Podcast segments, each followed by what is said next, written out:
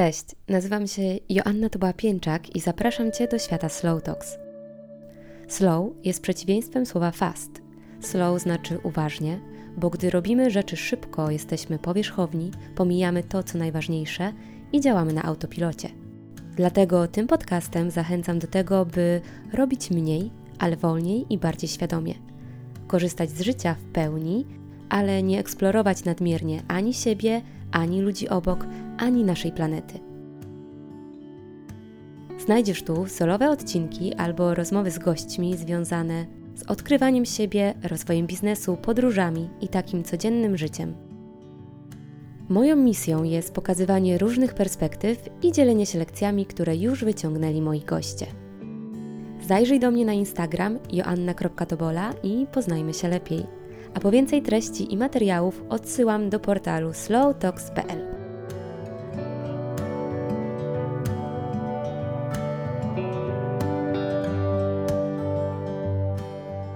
Odkąd pamiętam, to we wszystkich życzeniach składanych na przeróżne okazje niemal zawsze życzymy sobie zdrowia. Jednak mam wrażenie, że póki jest z nim wszystko ok, to niekoniecznie na co dzień darzymy je należytą uwagą. Zresztą już nawet Jan Kochanowski głosił, że szlachetne zdrowie nikt się nie dowie, jako smakujesz, aż się zepsujesz. Tymczasem uważam, że warto wpleść do swojej codzienności takie nawyki, które pozwolą tym zdrowiem cieszyć się jak najdłużej i działać profilaktycznie. Dlatego w tym odcinku mam ogromną przyjemność porozmawiać o medycynie stylu życia, która przykładowo może być odpowiedzią nawet na 80% chorób przewlekłych. I do rozmowy na ten temat zaprosiłam Michalinę Muszyńską, dyplomowaną lekarkę medycyny stylu życia i autorkę projektu Samowolność, która uczy medytacji i oddechu oraz studiuje neuropsychologię. Cześć Michalina. Cześć. Bardzo się cieszę, że ja będę mogła od Ciebie nauczyć się też dzisiaj wielu rzeczy albo uporządkować pewne rzeczy, bo tak jak Ci powiedziałam na backstage'u, ja mam wrażenie, że czuję to intuicyjnie, mhm. dopóki nie trafiłam na Twój Instagram, bo gdzieś tam się przecięłyśmy prywatnie mhm. w, w, międzyczasie na różnych innych wydarzeniach niezwiązanych tak. z medycyną stylu życia. Mhm. Ja nie wiedziałam, że coś takiego jest i od tego właśnie chciałabym zacząć. Mhm. Czym jest medycyna stylu życia? W ogóle, Asiu, dzięki Ci za ten wstęp i dzięki Ci za zaproszenie. Ja po prostu czuję się taka zaszczycona, że mogę tutaj z Tobą pogadać na tak ciekawe tematy. No i cóż, o medycynie stylu życia mogę mówić dużo, ale to, co chciałabym tak podkreślić bardzo, to, że medycyna stylu życia jest no, dosyć młodą mhm. gałęzią medycyny konwencjonalnej, bo często jak e, ludzie pytają e, o medycynę stylu życia, to kojarzą to z medycyną alternatywną, z medycyną, z jakąś naturoterapią, medycyną chińską, ayurvedą. I oczywiście ma to bardzo dużo wspólnych punktów, ale clue jest takie, że medycyna stylu życia jest medycyną opartą na dowodach naukowych i opartą na y, aktualnej wiedzy medycznej, czyli zgodną z EBM-em. I medycyna stylu życia opiera się na interwencji terapeutycznej, w obszarze sześciu filarów medycyny stylu życia. I to jest tak: y, aktywność fizyczna, dieta i nawyki żywieniowe, sen, relacje z innymi, radzenie sobie ze stresem i używki. Mhm. Mm, czyli mamy ten, ten komponent profilaktyki, zapobiegania wystąpieniu chorób. Mamy komponent wspomagania leczenia farmakologicznego, jeśli na przykład już jakaś jednostka choroba, chorobowa u nas wystąpi, i mamy komponent takiego samodzielnego leczenia, nawet bez wsparcia farmakologicznego e, danej choroby. I też takim wyróżnikiem medycyny stylu życia jest to, że skupiamy się na takim holistycznym podejściu mhm. do pacjenta. No bo współczesna medycyna absolutnie się świetnie rozwija, bardzo dynamicznie, ale podzieliła się na takie wąskie specjalności, prawda? Tak, tak. I to jest super z jednej strony, no bo wiadomo, jedna osoba nie jest w stanie e, posiąść wiedzy, która by była tak aktualna i nadążała za tymi wszystkimi nowinkami, nowymi sposobami leczenia, terapii e, czy zabiegów. I, i, I to jest super, ale z drugiej strony to wydarzyło się trochę kosztem takiego, e, no właśnie, holistycznego spojrzenia na pacjenta jako całość, no bo organizm ludzki jest e, Powiązany. Dokładnie, jest systemem naczyń połączonych, Tak. czyli po prostu wszystko na siebie wpływa. To, jak jemy, nie wpływa tylko na to, jak działa nasz układ pokarmowy, czyli żołądek czy jelita. Albo jak wyglądamy, czy jesteśmy Dokładnie tak. Czy Mhm. jesteśmy jednak otyli. Tak. Jest dużo różnych innych aspektów. Dokładnie tak. To, jak jemy, na przykład wpływa na to, jak chociażby funkcjonuje nasz mózg. Mhm. I tak samo e, to, w jaki sposób się ruszamy i jak często nie wpływa tylko na nasz układ kostno-stawowy, na nasze mięśnie i sylwetkę, ale też wpływa na to chociażby, no, jak, jaki mamy nastrój, tak? Jak, jaką mamy, jaki mamy dobrostan psychiczny, nie tylko fizyczny, to jak śpimy wpływa na przykład na kondycję naszych jelit, więc to jest po prostu, są tak gęsta, gęsta sieć powiązań, że, że fajnie jest też spojrzeć na tego pacjenta jako całość, nie tylko jako jednostkę chorobową, którą chcemy wyleczyć, tylko jako człowieka. Fajnie, że o tym mówisz, dlatego że ja, jak miałam kiedyś, kiedyś problem skórny, Mhm. jak problem skórny, no to do dermatologa. Jak mówisz, ta, ta, ta specjalizacja. I byłam u pięciu dermatologów, bo za każdym razem dostawałam i dos- dostawałam coś, co miało mi wyleczyć skórę, czyli to było coś na skórę. Miejscowego. Miejscowego, Mhm. dokładnie. I za każdym razem nie była to taka jednoznaczna diagnoza, tylko tam było mówione spróbujmy, ale było właśnie to leczenie zewnętrzne. Mhm. A okazało się po tych moich kilku wizytach, wizytach u dermatologów, kiedy ja też zaczęłam gdzieś tam tak intuicyjnie bardziej patrzeć, że kurczę, a może to nie jest kwestia skóry, albo to nie jest kwestia, a może to jest kwestia rzeczy, które używam, no, jakby mojego otoczenia, a może to jest jakieś uczulenie, tutaj nie patrzyliśmy, a może to jest związane z jedzeniem. No i tak, finalnie okazało się, że to była rzecz do wyleczenia wewnątrz, Mhm. żeby jakby to, co pojawiało się na skórze, to był już skutek i to nie, była, nie, to nie był symptom, tak myślę, że dobrze to nazwałam, to nie był symptom, tylko to był po prostu rezultat Okej. czegoś. I, no i to wtedy dało mi tak do myślenia i to jest super, że właśnie mówisz o tym holistycznym spojrzeniu i że coś takiego jak medycyna stylu życia chce właśnie patrzeć na nas w inny sposób niż tylko to, co ta, tej specjalizacji może się wydawać, bo pewnie dochodzimy do takiego momentu, kiedy ta specjalizacja już jest bardzo ważna i trudno, żeby coś innego nas wyleczyło, ale wydaje mi się, że to od ogółu do szczegółu może nam powiedzieć więcej niż od razu zaczynając od jakiegoś szczegółu i próbując testować rzeczy, które mają być tylko i wyłącznie punktowe. Jasne, to zgadzam się z Tobą, chociaż to, co chcę też podkreślić, bo nie chcę, żeby to wybrzmiało tak, że my w medycynie stylu życia mamy coś przeciwko farmakoterapii, bo zupełnie, zupełnie nie o to chodzi. I oczywiście nie chcę też umniejszać, bo farmakoterapia, y, w ogóle farmakologia się rozwija bardzo prężnie, jest w stanie uratować i zdrowie, i życie człowieka, i czasami jest po prostu niezbędna i nie da się tego obejść. Natomiast jakby leczenie tabletką bez zmiany stylu życia, jeśli styl życia spowodował daną chorobę czy dolegliwość, no po prostu mija się z celem. No bo na przykład jak mamy pacjenta ze zgagą, Tak. tak, yy, i dajemy mu tabletkę na zgagę, ale on nadal kontynuuje te nawyki, które doprowadziły do rozwoju zgagi, czyli pije dużo alkoholu, je dużo smażonych rzeczy, jakichś tłustych, yy, dużo czerwonego mięsa, w ogóle się nie rusza, no to my nie wyleczymy tej zgagi. Po prostu na chwilę yy, może ten pacjent odczuje ulgę, ale zgaga nie będzie wyleczona.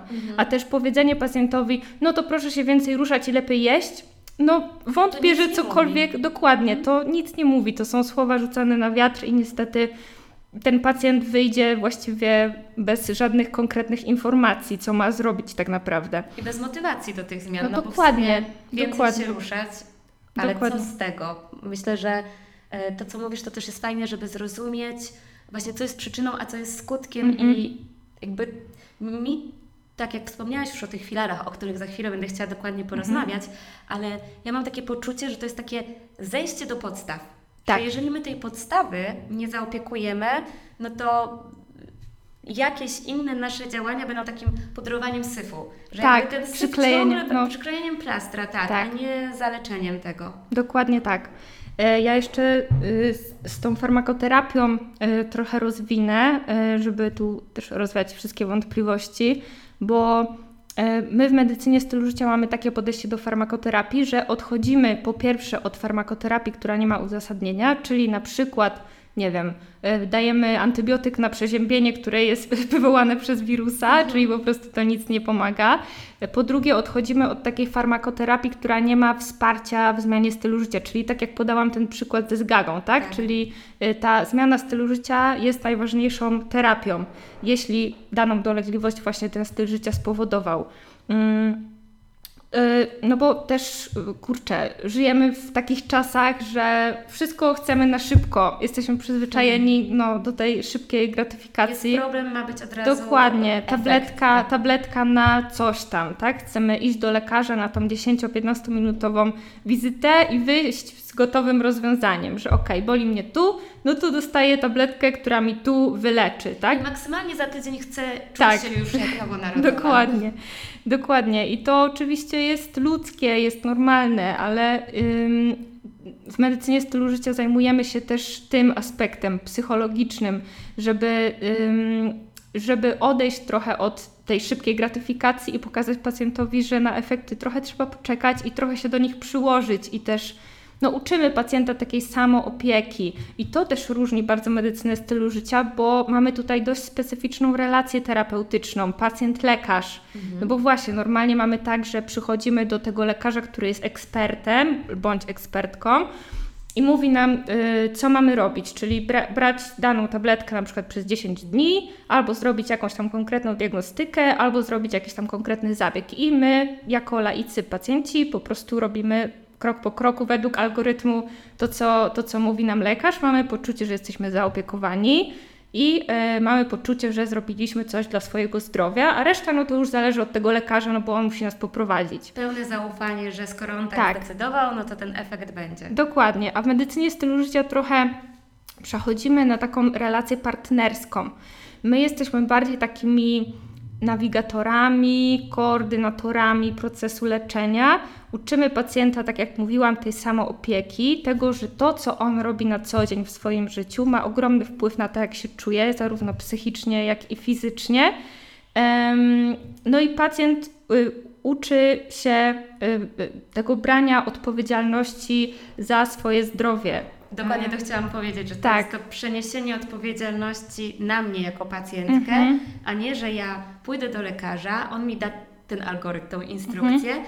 a potem ja będę rozczarowana, że to nie działa. Mhm. Będę psioczyć na tego lekarza, tak. że nie znalazł rozwiązania, chociaż ja nic nie zrobiłam, no poza stosowaniem się do mhm. instrukcji. Tak, no właśnie tutaj pacjent trochę jest takim własnym terapeutą, można tak powiedzieć, a my ten cały proces koordynujemy, nie? To mi się podoba ta koncepcja, bo to jest też takie, ja to tak czuję, oddanie mi sprawczości, mhm. że ja tak, jestem tak, tak. zaangażowana tak. w ten proces, a nie poddaję się czemuś, czego do końca nie rozumiem, bo mhm. wiesz, biorę magiczną pigułkę tak. i coś się we mnie dzieje, tylko że ja mogę też dostrzegać chyba bardziej, jak moje konkretne działania, jaki, ma, jaki wywołują efekt, a mhm. nie tylko liczyć, że bez zrozumienia tego wewnętrznego procesu działania farmakologii, coś się we mnie dzieje, ale w zasadzie co? Albo mhm. nie wiem, wiesz, nawet Jejku, pamiętam jak e, branie antybiotyku, łączenie tego z alkoholem na przykład, mhm. nie? No, tak. Kilowanie... Tak, to jest e, pierwsze pytanie często, które pada, czy mhm. można to łączyć z alkoholem? Tak, tak, tak. No właśnie, więc y, wydaje mi się, że tutaj też taką większą kontrolę oddaje się po prostu w ręce pacjenta. Tak, tak, tak. A, bo to już brzmiało, teraz bym chciała do tych filarów przejść, ale jeszcze mhm. tak jakbyś Ty mogła podsumować, jak to tłumaczysz pacjentom, dlaczego my powinniśmy zainteresować się tą medycyną stylu życia? Mhm. To znaczy, no myślę, że powinniśmy się zainteresować medycyną stylu życia, to już trochę powiedziałam, mhm. ale dlatego, żeby świadomie bez napinki, bez nadmiernej frustracji, bez tego słynnego efektu jojo, po prostu zadbać o siebie i o swoje zdrowie i nie na lato, żeby mieć fajną figurę i włożyć mhm. bikini, tylko na lata, na całe życie, żeby nawet w wieku podeszłym być w dobrej kondycji psychofizycznej. Ale też y, jeszcze w kontekście medycyny stylu życia i dlaczego powinniśmy się nią zainteresować, chciałam poruszyć ważny temat, o którym nie powiedziałam ponieważ medycyna stylu życia e, patrzy trochę szerzej niż zdrowie jednostki. To znaczy hmm. patrzy też na zdrowie całej planety. No bo jeżeli planeta jest chora, tak w cudzysłowie, mhm. e, nie wiem, e, idzie w stronę katastrofy klimatycznej, czy, czy, czy w inną jakąkolwiek, która y, sprawi, że ta planeta będzie w złej kondycji, no to niestety to, że my będziemy sobie dobrze spać i jeść y, dużo sałaty, no to niestety y, no, nie uchroni nas. Dokładnie. naszym zdrowiem jest bardzo Tak, ogromna. no niestety nie ma zdrowej jednostki bez zdrowia planety i na to duży nacisk kładzie właśnie medycyna stylu życia, na takie zdrowie globalne, bo na przykład w tej chwili szacunki mówią, że do 2050 roku 40% całej populacji będzie y, cierpiało na przynajmniej jedną chorobę zależną od stylu życia, czyli co drugi z nas mhm. praktycznie. E, no już teraz w USA na przykład 60% y, osób y, ma przynajmniej jedną chorobę przewlekłą zależną od stylu życia i to generuje koszty rzędu jednego biliona dolarów rocznie. Wow. I jakby bilion to jest milion milionów. Mhm. To jest niewyobrażalnie ogromna ilość kosztów. No i chociażby, nie wiem, nadmierna konsumpcja wysoko przetworzonej żywności jest oczywiście dla nas bardzo szkodliwa, powoduje choroby metaboliczne i tak dalej. Oprócz tego e, generuje ogromną ilość odpadów i, tak. i produkcja i później konsumpcja tej żywności ogromne ilości energii, ogromne ilości wody i jeszcze potem koszty i odpady związane z opieką zdrowotną. No tak. No właśnie. E, I właśnie dzięki tej zmianie stylu życia możemy po pierwsze obniżyć y, ilość tych odpadów medycznych, po drugie obniżyć koszty energii i y, po trzecie generalnie koszty leczenia i po czwarte jeszcze zaśmiecenie planety. No i nasze zdrowie, prawda? W charakterze. Powiem Ci, że ja nawet tak nigdy na to nie patrzyłam, mm ale jak to tak głośno powiedziałaś, to jest wręcz kurczę, no oczywiste. Mm -hmm. My mhm. profilaktycznie dbamy o jakieś rzeczy i idzie cały taki domino, y, który pociąga za sobą, może pociągać te dobre konsekwencje, tak. a nie to, że my coraz bardziej sprowadzamy się do po prostu unicestwienia. Dokładnie.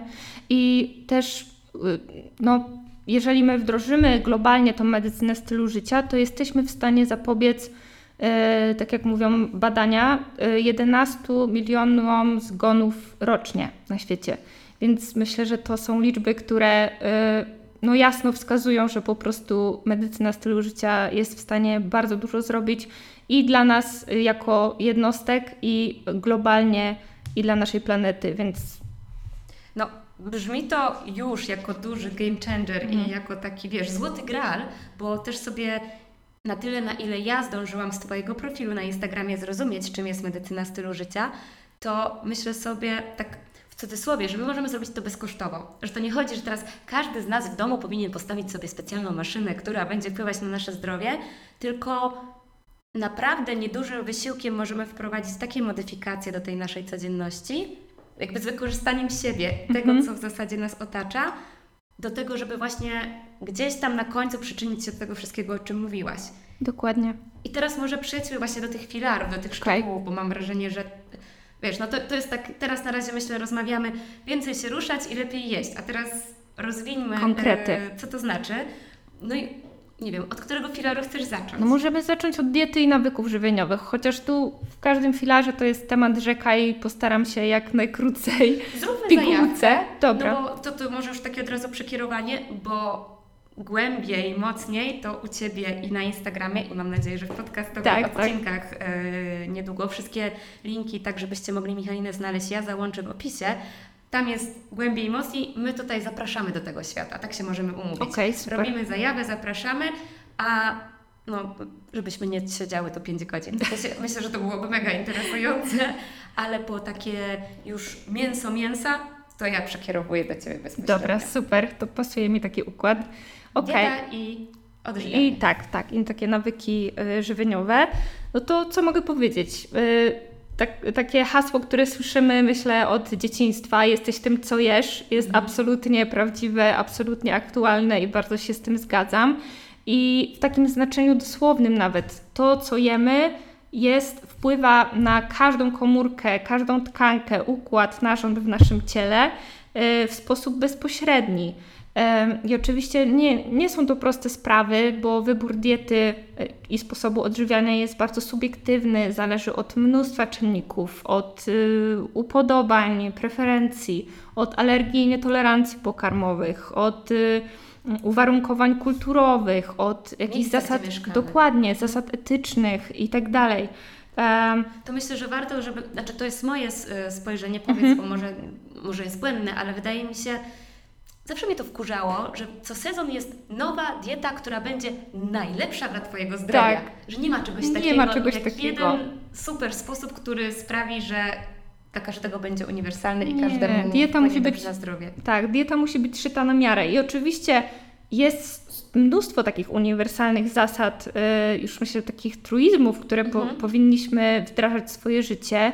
I jest to chociażby to, że powinniśmy jeść y, sezonowo, kolorowo, jak najwięcej świeżych produktów, a nie takich wysoko przetworzonych, jak najmniej tłuszczy trans, do, jak najwięcej takich dobrych tłuszczy, czyli omega-3, yy, dużo nasion, orzechów, dużo dobrego białka, na przykład z roślin strączkowych, jeśli ktoś jest na diecie roślinnej.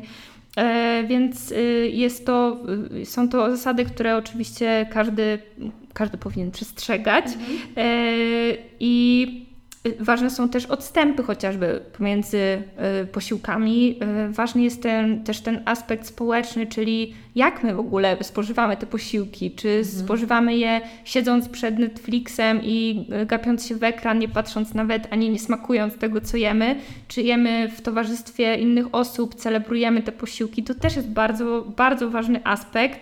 Mm, no i oczywiście to, co mówiłam, wpływ na środowisko. Powinniśmy mieć to y, zdecydowanie na uwadze. E, no i generalnie, cóż, no, w medycyna stylu życia mocno propaguje dietę roślinną. Ja też jestem y, absolutnie fanką diety roślinnej. Badania bardzo jasno pokazują, że dieta roślinna zmniejsza ryzyko wielu chorób przewlekłych, czy to depresji, czy chorób sercowo-naczyniowych itd., tak itd. Tak Super przepadana jest też dieta śródziemnomorska, mhm. która, y, no też badania mówią wyraźnie, że zmniejsza śmiertelność z jakiejkolwiek przyczyny. E, no i jeśli jesteśmy już przy diecie, no to też nie sposób nie wspomnieć o nawodnieniu, e, tak. czyli powinniśmy, e, no, no jakby wszyscy wiemy, że składamy się głównie z wody jako organizmy żywe, więc żeby zachodziły jakiekolwiek procesy biochemiczne w naszym organizmie, no to musi być ta woda i powinniśmy spożywać przynajmniej te 2,5 litra na osobę dorosłą wody dziennie. E, dobra, to o tej diecie. E, tak, myślę, że, tak, to, że tak. to możemy powiedzieć, że to jest e, Dobra, pas. to możemy przejść na przykład do aktywności fizycznej. Tak, bo to się tak ze sobą łączy. Dobra, e, jeśli chodzi o aktywność fizyczną, to znowu rzecz, którą powtarzam bardzo często, już mam wrażenie, że jak ktoś to słyszy, to Jezu, już słyszę to milionowy raz, Michalina, ale y, lubię ludziom to uświadamiać, bo to zawsze tak otwiera oczy. Mam wrażenie, że my przez 99% historii naszego gatunku żyliśmy jako zbieracze łowcy. Tak. I my do takiego życia jesteśmy przystosowani, a nie do siedzenia w zamkniętym pomieszczeniu przez 8 godzin i klikania w komputer, prawda? Mm. I jeżdżenia wszędzie samochodem. My jako zbieracze łowcy musieliśmy przemierzać dziennie przynajmniej te 10 kilometrów, biegaliśmy za zwierzyną albo uciekaliśmy przed kimś czy przed czymś. Y, musieliśmy się czołgać, wchodzić na drzewa i tak dalej, po prostu. Kucać. Dokładnie, tak. I ten ruch był nam niezbędny do przeżycia. Nasz mózg rozwinął się właśnie po to, w ogóle cały układ nerwowy, żebyśmy my się mogli ruszać. Mm. Wiadomo, że każdy pewnie intuicyjnie kojarzy, że brak tego ruchu prowadzi tam, nie wiem, do nadciśnienia, chorób sercowo-naczyniowych i tak dalej. Oczywiście to jest prawda, ale też y, brak ruchu jest skorelowany aż z ośmioma rodzajami nowotworów, więc to jest dość imponująca liczba. Um, I ważne jest też to, bo, bo niektórzy może tego nie kojarzą, że y, ruch bardzo wpływa na nasz mózg i na nasz tak. układ nerwowy. Y, to, co powiedziałam, że to się rozwinęło właśnie po to, żebyśmy się mogli ruszać. I, i cóż, no, w ruchu ruch pobudza nam wydzielanie takiego białka neurotroficznego, które się nazywa BDNF i ono dzięki temu możemy, przebiegają procesy neuroplastyczności, możemy i e, tworzyć połączenia pomiędzy neuronami e, i możemy tworzyć nowe neurony nawet w pewnych obszarach naszego mózgu. E, może zachodzić regeneracja neuronów i tak dalej, czyli to, na to wszystko wpływa wysiłek fizyczny. Mm, A mogę Ciebie jeszcze poprosić, żebyś powiedziała, co najprostszą formę, jaką Ty widzisz, kryjącą się pod wysiłek fizyczny, bo wiesz, czasami jest taka, tak, takie skojarzenie, wysiłek fizyczny, Boże, siłownia, bieganie, a Mhm. Chciałabym Ciebie posłuchać, Okej. bo ja też mam jakieś wyobrażenie na ten temat, ale do, Ty jesteś tutaj specjalistką, Spoko, Więc... spoko. No generalnie, y, generalnie to jest tak, że WHO podaje nam y, jakieś tam wytyczne minimalnej aktywności fizycznej i to jest tak, że powinniśmy tygodniowo mieć te 150 minut y, takiego umiarkowanego wysiłku fizycznego, czyli powiedzmy trzy razy w tygodniu taki umiarkowany trening po 40 parę minut, albo 75 minut takiej intensywnej aktywności w ciągu tygodnia. To jest taki mi- minimum. I oczywiście nie chodzi tutaj o to, żeby się zajeżdżać jakoś 5 razy w tygodniu crossfit, y, jeszcze bieganie do tego. Nie o to chodzi, bo przecież można przesadzić w każdą stronę. Tak. E, Chodzi o to, żeby owszem te treningi wdrażać w swoje życie, bo to jest ważne. Też y, ważny jest bardzo trening siłowy, o czym też za chwilę powiem. E, Ale ważna jest też taka ogólna ruchliwość, czyli taki, taki spontaniczny wysiłek fizyczny. Trochę tak wbrew tym wszystkim udogodnieniom naszej cywilizacji, czyli zamiast pójść, zamiast pojechać windą, to idźmy schodami. Zamiast pojechać samochodem na siłownię, to przejdźmy się albo nie wiem, przebiegnijmy w ramach rozgrzewki, czy To pojedźmy wyś, wysiąść e, jeden przystanek przed domem z Dokładnie, autobusu, dokładnie tak. To jest właśnie to. No to, to jest wbrew w ogóle wszystkim udogodnieniom, no ale tak, no niestety te udogodnienia są wygodne, oczywiście i czasami przydatne, no ale nie robią nam dobrze dla zdrowia, no niestety. Nie? Ja sobie o tych udogodnieniach myślę, że one są na nagłe wypadki. Tak, Że y, jeżeli właśnie się śpieszę albo coś się wydarzyło, lub nie wiem, właśnie moja ruchliwość jest ograniczona, bo właśnie złamałam nogę, tak, tak, tak. to tak, to to jest wtedy, ale w momencie, kiedy no, idę spokojnie, żeby coś zrobić, Mhm. no to jednak wybieram te schody, czy, czy, czy wybieram pójść niż przyjechać tramwajem, no tylko znowu, to też mam wrażenie, trzeba sobie przestawić w głowie, żeby na przykład nie być zawsze spóźnionym tam, gdzie się idzie i Mhm. albo żeby nie żyć w takim ciągłym pośpiechu, no bo takie mam wrażenie, że w momencie, kiedy żyjemy w tym pośpiechu, co pewnie ma korelację ze stresem, o którym też za chwilę Tak, tak. będziemy rozmawiać, no to korzystamy z udogodnień, no bo one zmniejszają szanse na to, że kolejna rzecz nam się nie uda. Mhm. Znaczy teoretycznie mają tak zrobić, a no to jest kosztem na przykład tej aktywności fizycznej spontanicznej. Dokładnie tak. No niestety nas to rozleniwia, bo Mhm. po co mamy odkurzać, skoro mamy automatyczny y, odkurzacz, który zrobi to za nas, prawda? Tak. No ale takie odkurzanie to już jest jakiś wysiłek, już Mhm. podkręca nam metabolizm i powinniśmy takie rzeczy robić, jak tylko mamy okazję i, y, i no jesteśmy na siłach, żeby to zrobić, Tak. tak? No ale oczywiście jakikolwiek wysiłek jest lepszy niż żaden, więc jeśli mamy e, stwierdzamy, że nie, no ja się nie ruszam, bo nie mam czasu na trening, no to to nie jest żadna wymówka, bo jeśli nie masz czasu na trening, to przynajmniej znajdź czas na to, żeby y, iść do pracy zamiast jechać y, samochodem i to już będzie coś, co, co zrobi dobrze dla Twojego zdrowia i psychicznego i fizycznego. Albo nawet w tej pracy przejść schodami na to drugie piętro, Tak, no to już będzie coś, Mhm. nie? E, No i o tym treningu siłowym Tak. jeszcze wspomniałam, to tak krótko jeszcze powiem, że y, bardzo się, y, dużo ludzi się bardzo boi tego treningu siłowego, ale y, prawda jest taka, że trening siłowy jest nam też niezbędny, bo buduje naszą siłę, zwiększa gęstość mineralną kości, jesteśmy mniej podatni na złamania, na jakieś kontuzje, jesteśmy bardziej sprawni i silni i wytrzymali, więc żeby zachować jak najdłużej tą sprawność, nawet w wieku podeszłym, no to niestety musimy ten trening oporowy, siłowy, czy to z ciężarem swojego ciała, czy to w ogóle z ciężarami, no to y, musimy gdzieś tam znaleźć na to przestrzeń też. Tak, ja jestem dużą fanką treningu siłowego, czy Mhm. ze swoją e, masą ciała, ze swoim ciałem, więc to była też moja motywacja do tego, żeby właśnie z takim treningiem iść, bo kiedyś żyłam takim przekonaniem, że o, rozrost mięśni, nie wiadomo Tak. co i że to jakieś bikini fitness a, i że to nie dla mnie. A bardzo polubiłam ten sposób, sposób aktywności. I No. to, co mówisz, to jeszcze dokłada do tego dodatkową wartość. Super. No ja miałam podobnie jak Ty, też bardzo długo się wzbraniałam przed treningiem siłowym, a jak zaczęłam coś tam sobie powoli z tym działać, to faktycznie poczułam taki super power, że, Mhm. że moje ciało jest zdolne do, do fajnych rzeczy, do których nie, było, nie miałam pojęcia, że jest zdolne wcześniej, Y, więc y, super. E, dobra, to możemy... Stres? E, możemy do stresu przejść. E, no, ja uwielbiam ten filar, absolutnie, bo też łączy się z tą neuropsychologią, którą studiuję. No cóż, no, stres jest, może być zarówno przyczyną, jak i skutkiem złego stylu życia, no bo jeśli, jeśli się stresujemy, no to często prowadzimy zły y, tryb życia, będąc w, stresie, i jednocześnie prowadząc zły tryb życia, też wprowadzamy do swojego życia ten stres, prawda? Więc, y, więc tak to wygląda, ale z drugiej strony my też ten stres w dzisiejszych czasach, mam wrażenie, trochę za bardzo demonizujemy. Okay. Bo bardzo dużo się mówi, ile to chorób stres nie powoduje i tak dalej, że stres zły, że stres trzeba zwalczać, ale prawda jest taka, że no, bez stresu byśmy nie żyli, tak. nie przeżylibyśmy dnia bez stresu, nie bylibyśmy w stanie rozwiązywać problemów, nie bylibyśmy w stanie jeść na przykład, bo byśmy nie odczuwali głodu. nie bylibyśmy w stanie się obronić, jeśli ktoś by nas zaatakował, więc stres służy temu, żeby w momencie, kiedy zaburza nam się jakaś równowaga w organizmie, to żeby powrócić do tej równowagi. To jest y, główny... Taka zachęta do tego, żebyśmy coś zrobili. Tak, tak. tak. No i to jest główny cel, funkcja stresu. Um, jakby y, i musimy też rozróżnić taki stres y, krótkotrwały od stresu długotrwałego, no bo to są dwie różne rzeczy.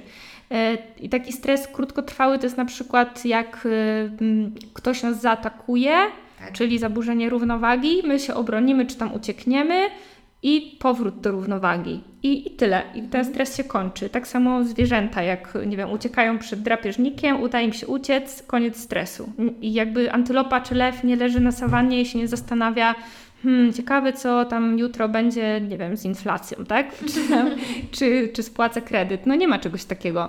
Mm, I na przykład też y, mm, ja lubię podawać taki przykład, y, że wyobraźmy sobie małpkę, która siedzi nad kartką papieru. No i patrzymy sobie na nią z boku i myślimy sobie, no nic tej małpce nie zagraża, prawda? No siedzi sobie nad kartką papieru, jest najedzona, napita, nikt jej nie atakuje, wszystko jest spokojnie, jest chora i no właściwie jaki stres mógłby teraz ją spotkać, prawda? Ale jak tą małpkę sobie usuniemy z tej sceny i na tą scenę włożymy sobie człowieczka, pracownika korpo, który hmm. siedzi nad y, zwolnieniem dyscyplinarnym nic mu nie zagraża, prawda? No to okaże się, że w tym momencie ma taki stres, jakby właśnie zapierdzielał po sawannie i gonił go lew i zaraz miał go zjeść. Okej. Okay. No właśnie. I to też nie kończy się w momencie, kiedy mu tą kartkę zabierzemy, no tak. Tylko ten stres będzie trwał, prawda? No mhm. bo za co spłaci kredyt, skoro go wywalą z pracy, kto Jak go zatrudni. Pracę. Tak, tak. Tak, tak. Więc to jest niestety taka domena naszych czasów, że my mamy mnóstwo rzeczy, które nas stresuje, ale które bezpośrednio nie zagrażają naszym, naszemu życiu.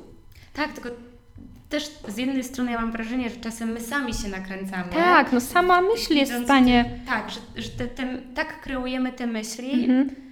Ja czuję, że my możemy wybierać, na ile chcemy tej myśli dać energię, no bo okej, okay, możesz dostać to zwolnienie, Oczywiście, każda sytuacja będzie inna, ale teraz mogę powiedzieć przez swój pryzmat, mhm. że mogę dostać to zwolnienie i tak, pojawia się dużo tych rzeczy po drodze, które z którymi będę się musiała zmierzyć i mogę teraz myśleć o dobrym zakończeniu, o dobrym scenariuszu, ale mogę myśleć o tym wszystkim, co pójdzie nie tak. W momencie, kiedy pomyślę, no dobra, mam teraz nowe wyzwania jestem w stresie, bo sytuacja jest niekomfortowa, ale po kolei mierzę się z tymi wyzwaniami, może mi się udaje, może nie, ale jak próbuję je rozwiązać, to też ten poziom stresu jest inny niż w momencie, kiedy jestem postawiona przed tą sytuacją i demonizuję każdy z kolejnych kroków. Już myślę o tym, jak mi to mi się nie uda, jak to nie spłacę kredytu, jak to odbiorą mi dom, jak to wyląduje pod mostem i generalnie moje życie legnie w gruzach, nie? Że to mhm.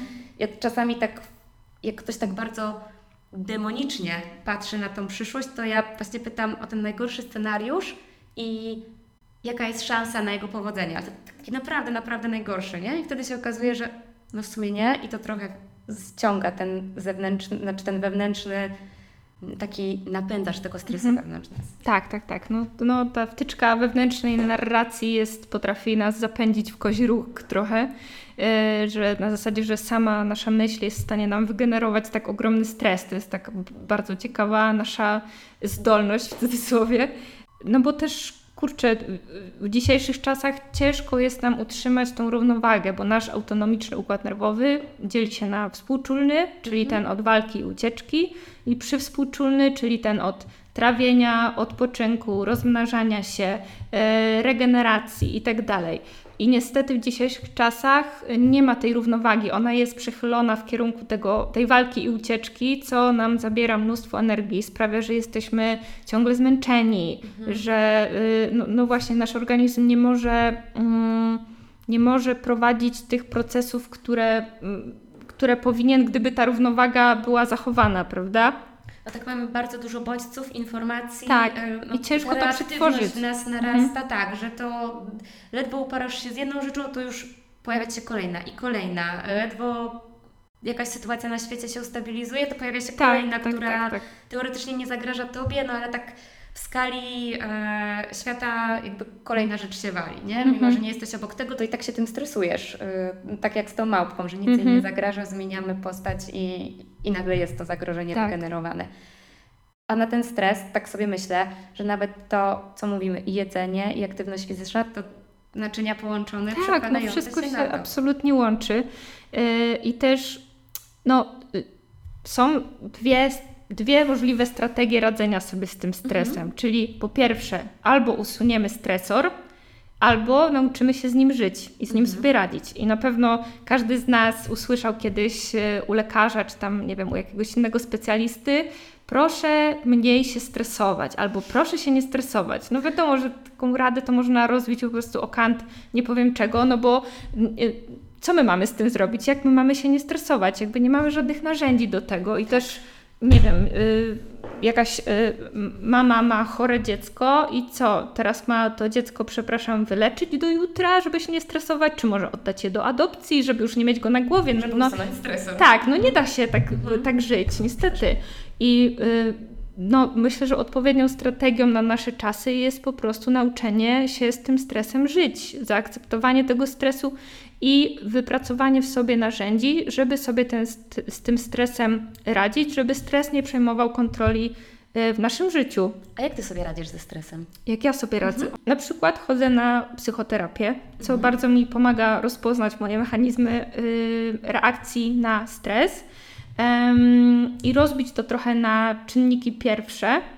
I to, co mi bardzo pomaga też, to jest medytacja medytacja taka regularna, e, trochę odłączenie znowu tej wtyczki, takiego overthinkingu i tak. zdystansowanie się od tych myśli, spojrzenie trochę z pozycji obserwatora mhm.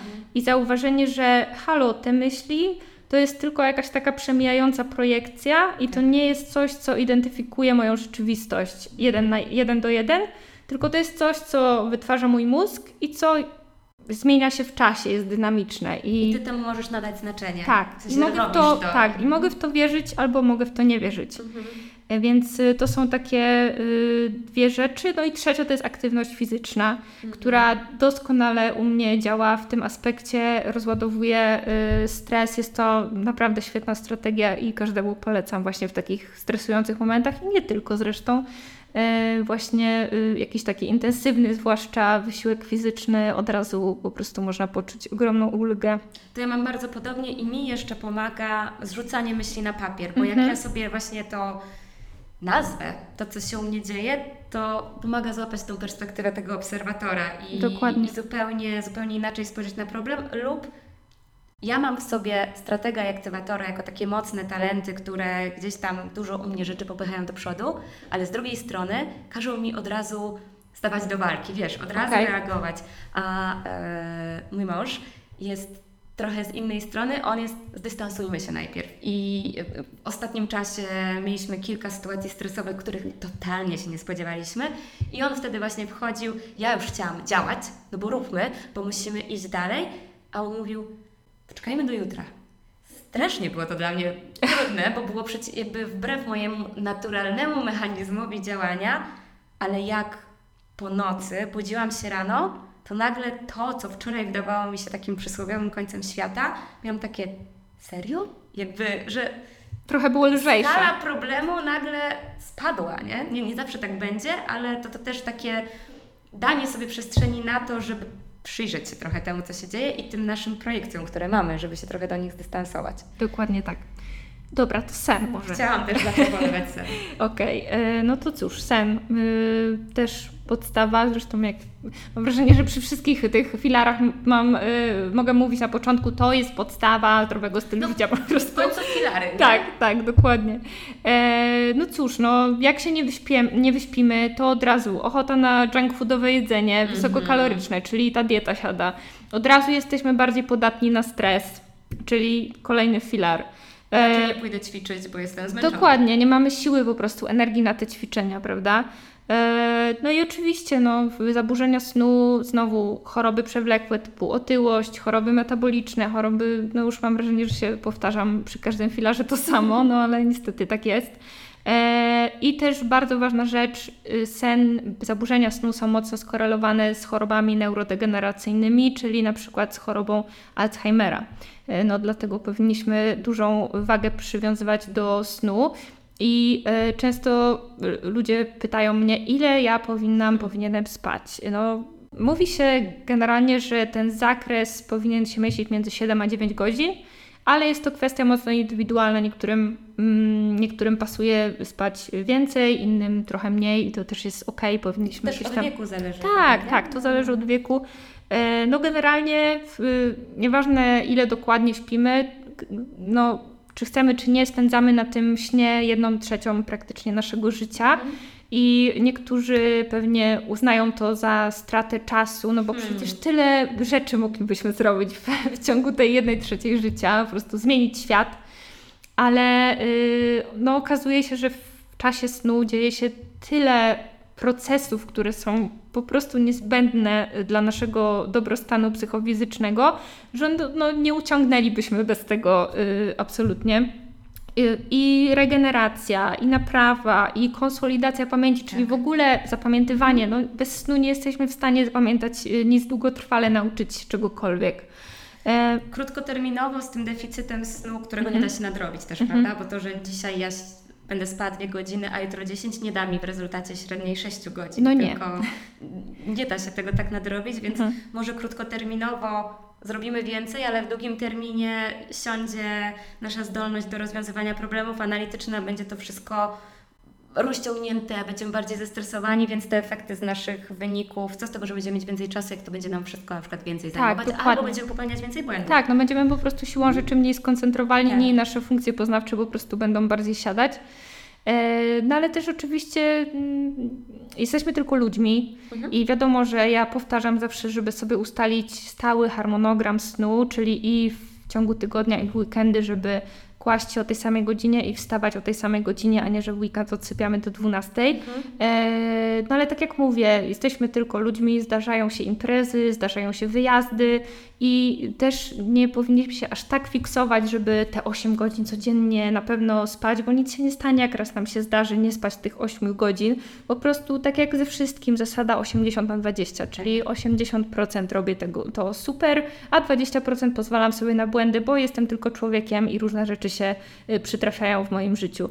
A mhm. dzięki temu obniżam sobie stres związany z tym, że nie wywiązuję się w 100% z tego, tak, co powinienem tak, tak, robić. Tak, no dokładnie. i znowu to się nam wszystko łączy. Dokładnie. Relacje z bliskimi? Relacje, znaczy jeszcze tak chciałam Dobra, do tego snu y, dodać, że... Y, Y, takim protipem y, fajnym, jeśli chodzi o sen, bo dużo ludzi, ludzi mówi gdzieś tam w internecie, żeby nie y, stawiać się na, na niebieskie światło przed snem. Tak. I oczywiście to jest super protip, natomiast mm, wiem po sobie nawet i w ogóle po znajomych, że jest strasznie trudny do zrobienia, no bo czasami wieczorem mamy czas, żeby usiąść do jakiegoś ważnego projektu, albo to jest nasz czas wolny, mamy ochotę obejrzeć jakiś film mhm. przed snem, no i też jesteśmy tylko ludźmi i nie zawsze y, wieczorem chce nam się czytać książkę przy ciepłym świetle, czy słuchać muzyki.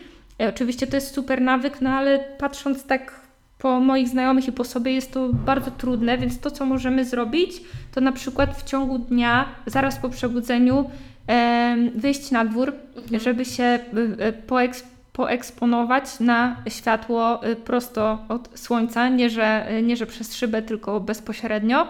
To już nam bardzo normuje rytmy dobowe, y, pobudza nam wydzielanie serotoniny, a z serotoniny powstaje nam melatonina, która nam to zaśnięcie umożliwia, więc to jest taki protip ode mnie. To jest świetny protip, ja w ogóle mm, kocham, jak ten świat jest ze sobą połączony. Tak. Jak wszystko wynika z drugiego i znowu wyjście rano, i- aha, też jeszcze może doprecyzuj, czy to jest wyjście rano, świeci słońce, wychodzę, nie świeci słońce, nie wychodzę, czy to po prostu chodzi o tą ekspozycję na to światło Chodzi o dzienne? ekspozycję. Nie, musi być to, nie musi być to słońce bez chmur, może to być słońce za chmurą. Ważne, żeby po prostu te 10-15 minut się poeksponować, żeby dać znać temu, temu naszemu zegarowi biologicznemu, e, czyli jądro nadskrzyżowaniowe to się tak nazywa, że halo, już wstał dzień i za mniej więcej 16 godzin e, trzeba będzie już zasnąć. Taki odpalić zegar, Tak. który odlicza te 16 Dokładnie tak. do momentu snu. Dokładnie tak, po prostu nam to zmniejsza negatywne skutki później tego eksponowania się na niebieskie światło wieczorem. Super tip. Spoko. Cieszę się. Dobra, mówiłaś relacje, tak? No, Dobra, no relacje. Y, jesteśmy istotami społecznymi jako ludzie i mamy to zapisane w genach i niestety nie jesteśmy w stanie tego obejść za bardzo. E, no bo jak wyobrazimy sobie takiego e, gołego człowieczka na sawannie, no to ciężko by było mu się tam y, ogarnąć, no bo ani nie mamy pazurów, ani nie mamy kłów, ani szybko nie biegamy, nie jesteśmy jakoś super umięśnieni, żeby walczyć z jakimś lwem czy cokolwiek, więc my w pojedynkę no ciężko nam by Tak. było sobie poradzić, ale naszą supermocą jest to, że właśnie potrafimy się formować w większe y, stada, skupiska i właśnie w grupie jesteśmy y, wtedy silni. I była taka ciekawa metaanaliza, która badała skutki braku relacji dla zdrowia i w tej metaanalizie porównano to z paleniem papierosów. I wyszło, że brak relacji w życiu człowieka jest porównywalny ze skutkiem zdrowotnym palenia 15 papierosów dziennie. o wow. Tak, i mówi się często, że właśnie siedzenie to nowe palenie, ale okazuje się, że brak relacji to też jest nowe palenie. I e, no, jakby chyba nie muszę mówić nikomu, jakie, jak opłakane skutki, zresztą będziemy o tym też mówić za chwilę, jak opłakane skutki przynosi nam palenie 15 papierosów dziennie dla zdrowia, więc widzimy, że no, te relacje są nam po prostu niezbędne. I oczywiście nie chodzi tutaj tylko o relacje partnerskie, że teraz jak nie mam chłopaka czy dziewczyny, no to nie mogę być zdrowa. No zupełnie nie. Chodzi generalnie o relacje ze znajomymi, ze zwierzętami, z przyjaciółmi, z sąsiadami, ze znajomymi z pracy. Z panią ze sklepu Z panią nawet. ze sklepu, tak. Interakcje po dokładnie. Mhm. I też y, nie chodzi o jakość, a bardziej o ilość, bo Proszę. no tak, bo jeśli będziemy mieli, nie wiem, 2000 czy ileś set nawet y, znajomych na Facebooku, no to czy my mamy dobre relacje? No nie za bardzo, po prostu mamy sobie, kliknęliśmy i mamy znajomych na Facebooku. A E, dobra, bo ja źle zrozumiałam, bo słyszałam, że nie chodzi o jakość, chodzi o ilość, a... A, co, może odwrotnie powiedziałam, się zamotałam. Zobaczymy na nagraniu, w każdym razie albo ja źle zrozumiałam, albo Ty się zamotałaś, w każdym razie chodzi o jakość, o Dokładnie ilość. tak, dokładnie tak. Możliwe, że się zamotałam już e, w tym wszystkim, e, no bo e, jest to taka forma kapitału. Ja tak to Mhm. traktuję jako taki backup, z którego możemy sobie korzystać, żeby lepiej sobie radzić z codziennością po prostu. No, używki na koniec. No, generalnie medycyna stylu życia y, skupia się na dwóch używkach, które są najbardziej powszechne, czyli nikotyna i alkohol. Ja tu jeszcze z racji, że zajmuję się tą neuropsychologią, to mm, czasami u siebie poruszam y, kwestie innych substancji psychoaktywnych, ale no dzisiaj skupimy się na tych y, dwóch, bo myślę, że też nam nie starczy czasu, żeby tu się rozwodzić. Nikotyna, jedna z najbardziej uzależniających substancji na świecie. E, Na przykład w Polsce jest uzależnionych e, 9 milionów osób, e, przy czym 60 tysięcy osób rocznie umiera z powodu palenia. E, I z każdym wdechem wdychamy e, papierosowym, papierosowego dymu, wdychamy 40 rakotwórczych substancji do naszego organizmu. Jest to na przykład cyjanowodór z obozów zagłady. E, No, za pomocą tego gazu właśnie uśmiercano e, więźniów e, w, II wojnie światowej. Mm, Jest to bardzo, bardzo trująca substancja. Oprócz tego jest czad, czyli tlenek węgla, oprócz tego jest arsen, aceton, kadm, a nawet promieniotwórczy polon, więc to jest taka mieszanka wybuchowa, że i, i my, nią, my ją z każdym papierosowym wdechem do swojego organizmu No, No, wdychamy. wdychamy, Aż, mam ciary, no bo y, y, niechlubnie przyznając się, paliłam papierosy i one były stylem życia, no bo Mhm. były takie czasy, kiedy, kiedy po prostu gdzieś tam w tym stadzie, budując relacje, palenie papierosów było czymś, co Tak, no przecież podtrzymywało ja, ja tak samo na studiach sobie popalałam, Mhm. no teraz już absolutnie nie mogłabym Tak. w ogóle, brzydzi mnie to strasznie, no ale Mhm. też no, miałam, miałam te niechlubne czasy y, popalania, teraz już absolutnie nie. No ale dobra wiadomość jest taka, że y, no oczywiście bardzo jest trudno rzucić to palenie, Mhm. jest to bardzo niełatwa sprawa i często to właśnie wymaga po, pomocy specjalisty, ale na przykład już po 8 godzinach od y, rzucenia palenia, czyli bardzo szybko, Tak. już nam spada ten poziom tlenku węgla we krwi i rośnie wysycenie hemoglobiny tlenem. Po 24 godzinach już spada nam ryzyko y, zawału mięśnia sercowego, a po 6 miesiącach y, to ryzyko spada nam o 50%, więc całkiem sporo, więc y, dość szybko te efekty y, prozdrowotne możemy zaobserwować. To ja dorzucę od siebie Mhm. protip, bo mi właśnie, ja bardzo lubię dane, więc jak podjęłam decyzję, że no nie, muszę sobie poradzić z tym nałogiem, bo nie podoba mi się, że coś ma nade mną kontrolę. Bo faktycznie tak było, że ni- niby luz, ale ciągnęło do, do, do tej używki.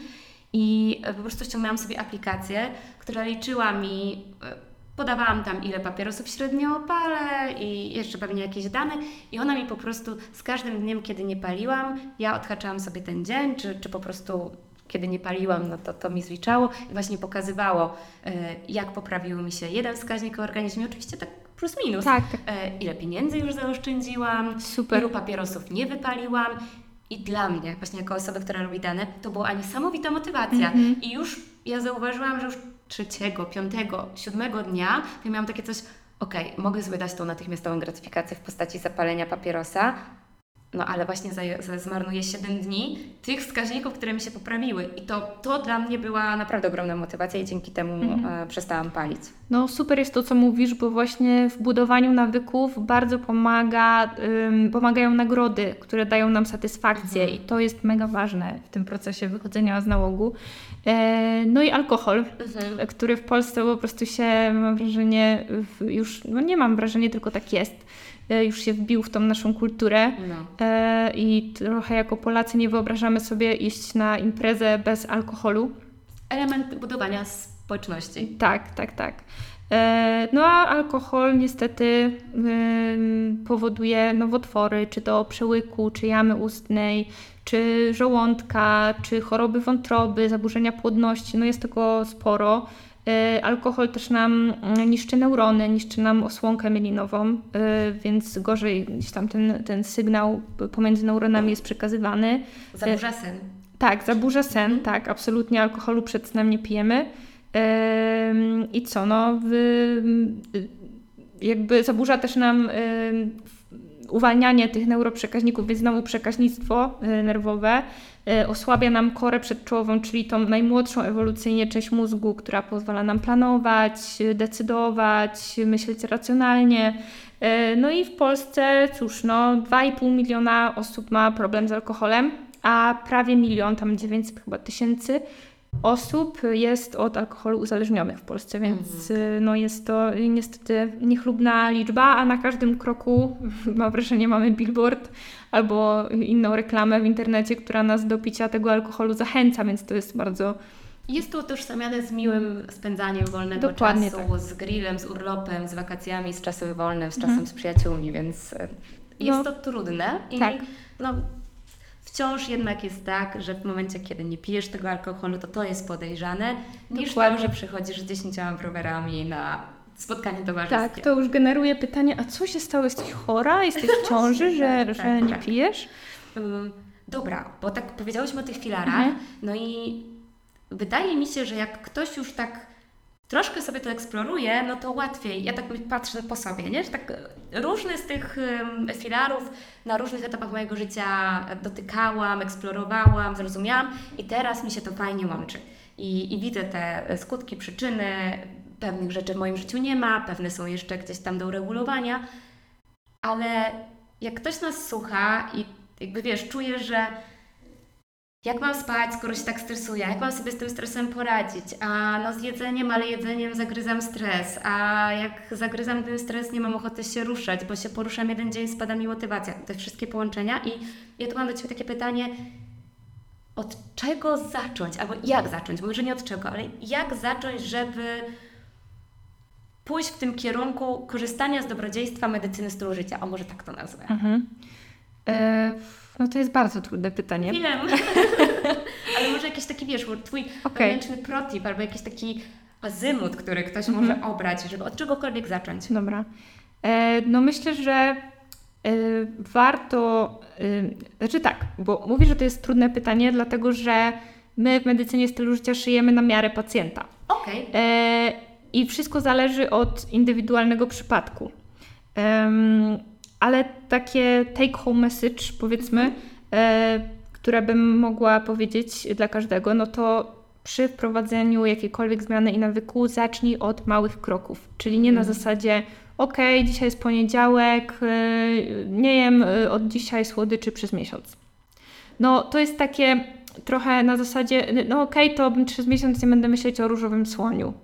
Jakby Więc będziesz o nim myśleć tak, codziennie. dokładnie. I, I to po prostu będzie budowało taki stres i napięcie, że nadejdzie taki dzień, że my po prostu się tyle tych słodyczy nawpierdzielamy, że aż nam uszami wyjdzie. Ale będziemy odliczać te wszystkie dni, żeby był 32 dzień, Dokładnie. możemy sobie nadrobić Tak, wszystko. czyli nie lecimy na hardkorze od razu, Mhm. tylko małe kroki. Jak sobie pomyślimy, że codziennie zrobimy zmianę o 1%, to co się zadzieje za te 365 dni? Mhm. No to będzie ogromna zmiana, prawda? Bardzo mocno czuję to, co mówisz. Tak. Jestem fanką małych kroków, więc tak. No właśnie, czyli tak, jeśli te schodki nawet są bardzo małe, ale my idziemy uparcie do przodu, trzymamy tą dyscyplinę, chociaż ja nie lubię tego słowa, ale sprawdziłam sobie tak z ciekawości od y, czego ono pochodzi i co ciekawe z, od łaciny to znaczy oświecenie, więc y, w ogóle super. Ono chyba dostało takie, takie negatywne konotacje, ma po prostu Tak. przez em, ten jakiś reżim, przez Mhm. odmawianie sobie pewnych rzeczy, a to też miałam kiedyś z tym problem. Tak, Mhm, też, mhm. też tak miałam. No właśnie, więc jeśli mamy jakiś cel, to rozpisujemy sobie ten cel na mniejsze cele, a te mniejsze cele na jeszcze mniejsze cele i tymi schodkami sobie powolutku idziemy do przodu. Nie wszystko od razu, nie? Tak, nie, że teraz od razu. od dzisiaj 8 godzin, aktywność fizyczna i jeszcze tak będę jeść. Nawet jak to są małe rzeczy, to... Bo ja tak sobie pomyślałam, jak zadałam Ci to pytanie, jak ja bym na to pytanie odpowiedziała, Mhm. jako, wiesz, nie ekspertka, a może nie osoba żyjąca tym tak od strony wiedzy, tylko y, y, osoba, która, do której jest to bliskie takie podejście, to tak sobie pomyślałam, że wzięłabym kartkę, rozpisała każdy z tych filarów i się zastanowiła, co w ramach niego robię, co działa na mnie dobrze, a co jednak jest tym, nad czym warto byłoby popracować, albo jest jakimś takim działaniem destrukcyjnym. I wiesz, na początek nawet przyjrzeć się każdemu z tych filarów i może zacząć od tego, w którym czuję, że mogę najmniej zmienić, a już będzie jakiś efekt. Wiesz, że to, tak jak mówisz, to jest skrojone na miarę, ale zobaczenie, na czym w ogóle stoję, plus to, co mówisz, małe kroki i wzięcie jednej rzeczy, rozpoczęcie zmian, to jest jakiś taki pierwszy krok zachęcający, nie? No bo to Jasne. szybko możemy się zniechęcić, jak ta nagroda będzie odroczona, a dzięki tej metodzie, o której mówisz, nagrodę możemy dosyć szybko. Tak, dokładnie, bo też y, no, we wprowadzaniu nawyków nie chodzi o to, żebyśmy my się katowali, y, tylko y, musimy sobie dawać, tak jak powiedziałam wcześniej, jakąś nagrodę, jakieś poczucie satysfakcji, y, jakiejś takiej dumy z siebie, że daliśmy radę.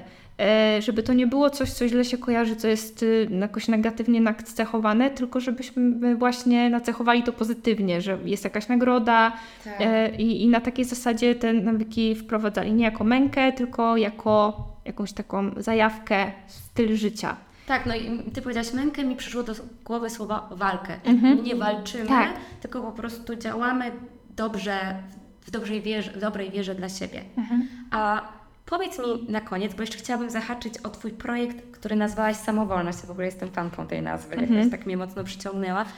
Jakbyś powiedziała, o co chodzi w tym projekcie i co tam możemy znaleźć i gdzie to znajdziemy. Dobra. E, No generalnie samowolność e, to jest taki mój projekt marzeń, e, takie moje dziecko, które rozwija się no dość powoli, ale do przodu i takim moim tempem. I chciałabym stworzyć, jest to moje marzenie, yy, chciałabym stworzyć przestrzeń, w której każdy będzie w stanie zrobić z dbania o siebie swoją zajawkę, a nie taką fiksację, jakąś taką nie, niepotrzebną yy, mękę. I chciałabym, żeby to wszystko się odbywało zgodnie z aktualną wiedzą medyczną i bardzo świadomie. I też, żeby służyło temu, żeby to zdrowie w sobie odnaleźć, niekoniecznie właśnie walczyć z jakąś jedną jednostką chorobową, której na przykład nie możemy pokonać z jakichś powodów, tylko to tego zdrowienia, zdrowia w, siebie, w sobie szukać. I chciałabym e, poruszać filary medycyny stylu życia, ale nie tylko, bo y, z racji moich różnych zainteresowań chciałabym też postawić obok tych głównych filarów takie swoje filary, mhm. Y, czyli dbanie o swoje funkcje poznawcze, o swój mózg, mm, dbanie o oddech, bo to też jest taki y, no, ważna sprawa. Oddech, kurczę, jest tak jedno zdanie dosłownie o tym oddechu powiem, bo no, my oddychamy sobie, nie myśląc o tym, tak. a niestety jest tak, że yy, no, ten oddech jest podstawą wszystkiego, funkcjonowania całego naszego organizmu, a niestety na skutek stresu, siedzącego stylu życia, yy, złej postawy, yy, nieruszania się i tak dalej, no niestety my często ten prawidłowy oddech zatracamy i musimy się go od nowa nauczyć. Dla mnie praca z oddechem to był totalny game changer, i tu zrobię taką małą autoreklamę, Dawaj. że y, no pochwalę się, że, y, że tworzymy teraz z zespołem specjalistów taki kurs podstaw oddechu dla każdego. I właśnie w tym zespole mam fizjoterapeutkę, osteopatkę, y, trenera metody butejki, Wima Hofa, logopedkę, no i mnie. Więc będziemy ten oddech rozkładać na czynniki pierwsze i uczyć ludzi, jak dobrze oddychać, żeby Super. wpłynąć na swój dobrostan psychofizyczny. To taka mała dygresja. E, no ale wracając do tej samowolności, bo tutaj trochę zboczyłam e, z tematu, chciałabym też, marzy mi się, żeby w tym całym moim projekcie, który skupia się na tej długowieczności, na dobrym życiu, poruszać też tematy, które są niewygodne. Trochę zaglądać pod ten dywan, pod mhm. który sobie zmiatamy rzeczy, które nas dotyczą, ale niekoniecznie chcemy o nich myśleć, czyli na przykład starzenie się, mhm. E, umieranie. To jest oczywiście temat gdzieś tam wprawiający w nas dyskomfort, ale ja bym chciała trochę się otworzyć na dialog o tym mhm. w tym moim projekcie, żeby nie było tylko o tym, jak wydłużać jak najdłużej to życie, Super. tylko żeby też trochę rozmawiać o tym, co czeka każdego z nas, no właśnie, a co tak. trochę wypieramy od siebie. E, więc e, no, niedługo wyjdzie zresztą taki super odcinek mojego podcastu, który nagrałam z, e, z Anią Franczak z Instytutu Dobrej Śmierci, która jest tydulą umierania i towarzyszką żałoby. Wyszło nam z tego coś naprawdę super, więc też druga autoreklama. Mhm. A twój właśnie podcast nazywa się też Samowolność. Samowolność podcast, tak, tak, tak, dokładnie. I chciałabym to wszystko ubrać w taką formę cool, mhm. żeby odejść trochę od takiego klimatu medycznego, tak. takiego sztywnego, jakichś zielonkawo-niebieskich, zimnych kolorów, tylko żeby to było coś zajawkowego, coś, co daje fan, flow i żeby ludzie weszli w to z, z, tak, z taką dziecięcą ciekawością. Bo jeszcze jak wracając do nazwy w ogóle samowolność, to według słownika jest to taka trochę niesubordynacja, prawda? Aha. Ale ja bym chciała odejść trochę od tej definicji oficjalnej, bo dla mnie wolność jest wtedy, kiedy dajemy sobie mm, przyzwolenie na to, żeby pewne rzeczy zaakceptować.